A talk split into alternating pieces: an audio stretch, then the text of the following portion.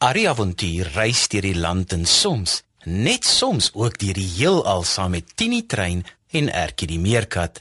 Hy's bang vir niks en saam met sy maats verskaf hulle vermaak aan groot en klein. Klim op maats, die storietrein gaan vertrek. Tini is 'n stoomtrein op sy eysterspoor. Arrie is sy passasier, hy soek avontuur. Die Bybel is hul kompas, dit hou hul op die spoor.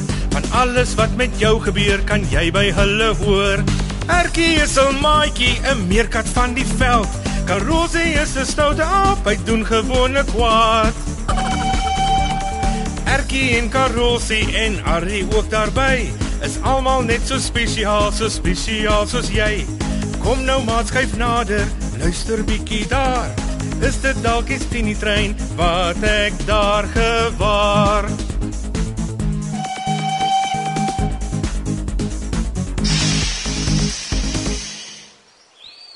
Karosie, voordat Arie ons vertel het dat meer van die aarde met seewater toe is as die land wat ons hier kan sien, kan ek nie ophou dink daaraan nie. Hoe is dit moontlik dat soveel water op een plek kan wees, hè? Ek sal dit darm baie graag wil sien. Dis niks lekker om vandag met jou te praat nie. Gaan jy heeldag net geleide maak en niks sê nie? Ag nee man, ek kan niks verstaan nie. Gaan al jou aapstreke uit by jou aapmaatjies. Miskien verstaan hulle jou.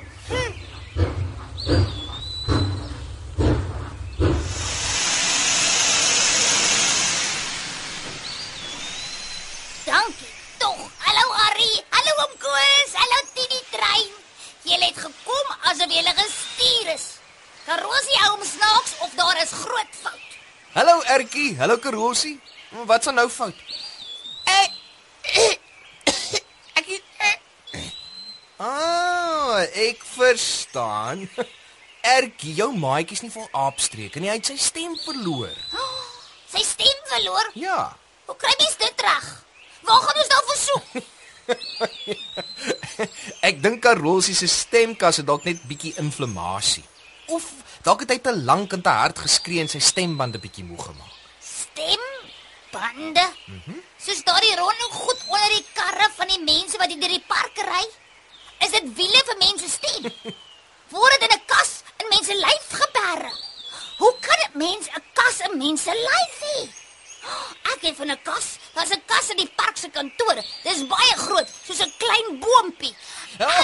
Okay, okay. Sjoe, my ore sing nou omtrent. Nee nee nee, my senuwees. Karosie se stem is weg. Wie weet waar dit lê? En jou ore sing liedjies wat ek nie kan hoor nie. Wat gaan aan? Ertjie. Jy het so 'n bietjie die kat in die stert, Piet. Jy, jy verstaan my verkeerd. Nee nee nee nee nee, Ari, hier is niks katte nie. Ek het geen kat aan sy stert weet nie. Dit was wat daardie leeu se stert getrek het daardie alle dag toe jy hier was. O, genade nee. Daar's geen salf van jou te smeer vandag nie. Ari, ek wil dan nie snaaks soos om beskof klink nie, né? Maar is daar iets fout met jou? Ek het nie salf nodig nie.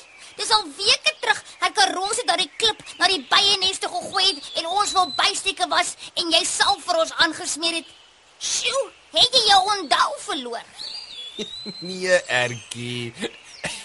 Ek het nie my onthou verloor nie. Daar's niks fout met my nie. As jy aanhou my so te laat lag en my maagspiere dalk begin pyn. Sis, ek is bekommerd oor jou en Karosie en jy wil net vir my lag. Dis ook my skuld.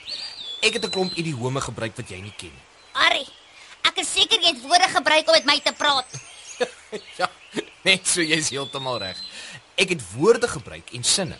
'n Idioom is iets wat jy sê wat iets anders beteken as wat die woorde gewoonlik beteken. Mm, Dis te moeilik, Ari. Sê liewer wat jy bedoel. Nou nou maar goed, Ertjie, ek verstaan.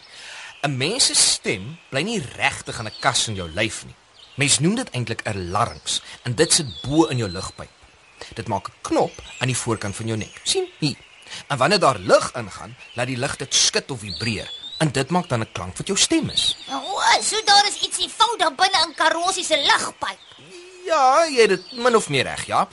Daar was 'n profeet in die Bybelse tyd wat ook sy stem verloor het. Maar dit was omdat hy gesukkel het om die nuus te glo wat 'n engel vir hom gebring het. Haai, Ari. Wat 'n soort nuus dat mense stem weggaan, hè? Dieselfde soort nuus wat vir Abraham en Sarah hier so lekker laat lag het.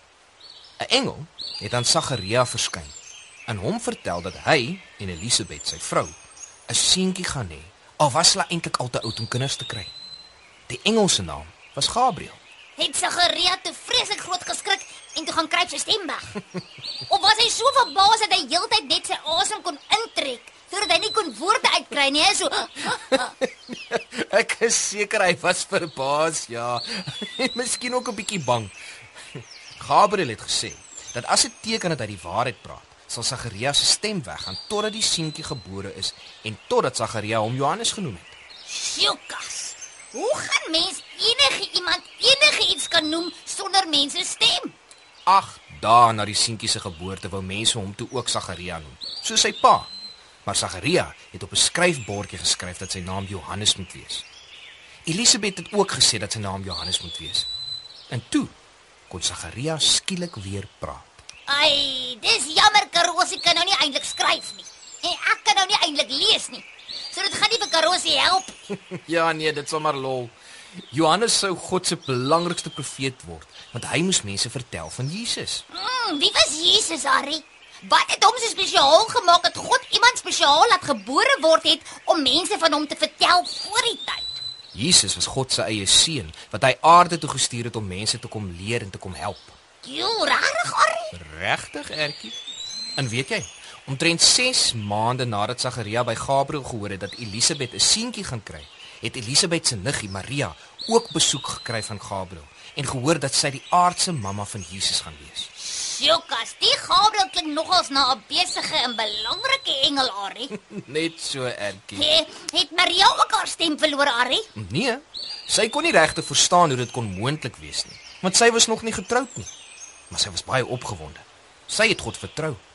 Sy het dadelik haar klere gepak en vir haar niggie Elisabet gaan kuier omdat sy gehoor het dat sy ook 'n baba gaan kry. So Johannes was omtrent 6 maande ouer as Jesus. Net so. Het sy toe met iemand getrou ook, Harry? Ja, Ertjie, sy was verloof aan Josef en sy het toe ook met hom getrou. Wat is verloof? As twee mense verloof is, het hulle beloof om met mekaar te trou. En in die tyd van hul verloving, spaar hulle byvoorbeeld dalk nog vir hulle lewe saam of vir die troue. Maar het Maria dan vir Josef gejok oor die baba, Harry? Nee, Ertjie. Gabriël het vir Josef ook vertel wat gaan gebeur. Josef was bietjie skrikkeriger as Maria, maar hy het nog steeds met haar getrou. O, oh, dis so romanties, ware liefde. Ook. Ja, stop, stop, stop voor jy so sappig begin raak asseblief. Jou stem, Karosie, dis terug, jy het dit gekry. Welkom terug, Karosie. Ja. Daardie ander aap het gisternag weer gaan moleste maak op die boer se plaas. En ek het hulle toe agtervolg. En hulle dink mos hulle los my alleen. Toe sien ek die boer en sy hond wag hulle in. Ek het so hard geskree en geraas om hulle te waarsku. Net toe ewe skielik was my stem net weg. Ek is bly jy kan weer praat, Karosie. Al klink jy nog nie heeltemal soos jouself nie. Ja, Karosie, jy moet jou stemmer nog so 'n bietjie rus hoor, maar jy behoort binnekort weer piekfyn te voel en te praat. Almal aan boord. Nou toe, kom julle saam. Wat? Ja! O, o ek verloor sommer weer my stem. Ja! Jippie! Tini is 'n stoomtrein op sy eysterspoor. Arrie is sy passasier, hy soek avontuur. Die Bybel is hul kompas, dit hou hul op die spoor. Van alles wat met jou gebeur, kan jy by hulle hoor. Erkie is 'n maatjie, 'n meerkat van die veld. Karosie is 'n stoute aap, hy doen gewone kwaad. Erkie en Karosie en Arrie ook daarby. Is almal net so spesiaal, so spesiaal soos jy. Kom nou maat skuif nader, luister bietjie daar. Is dit dalk die Tini trein wat ek daar gewaar? Die avonture van Arrie en Erkie is geskryf deur Elsie Stander. Dit word opgevoer onder spelleiding van Lazelle de Bruin, tegnies versorg deur Neil Roo en vervaar deur Wordwise Media.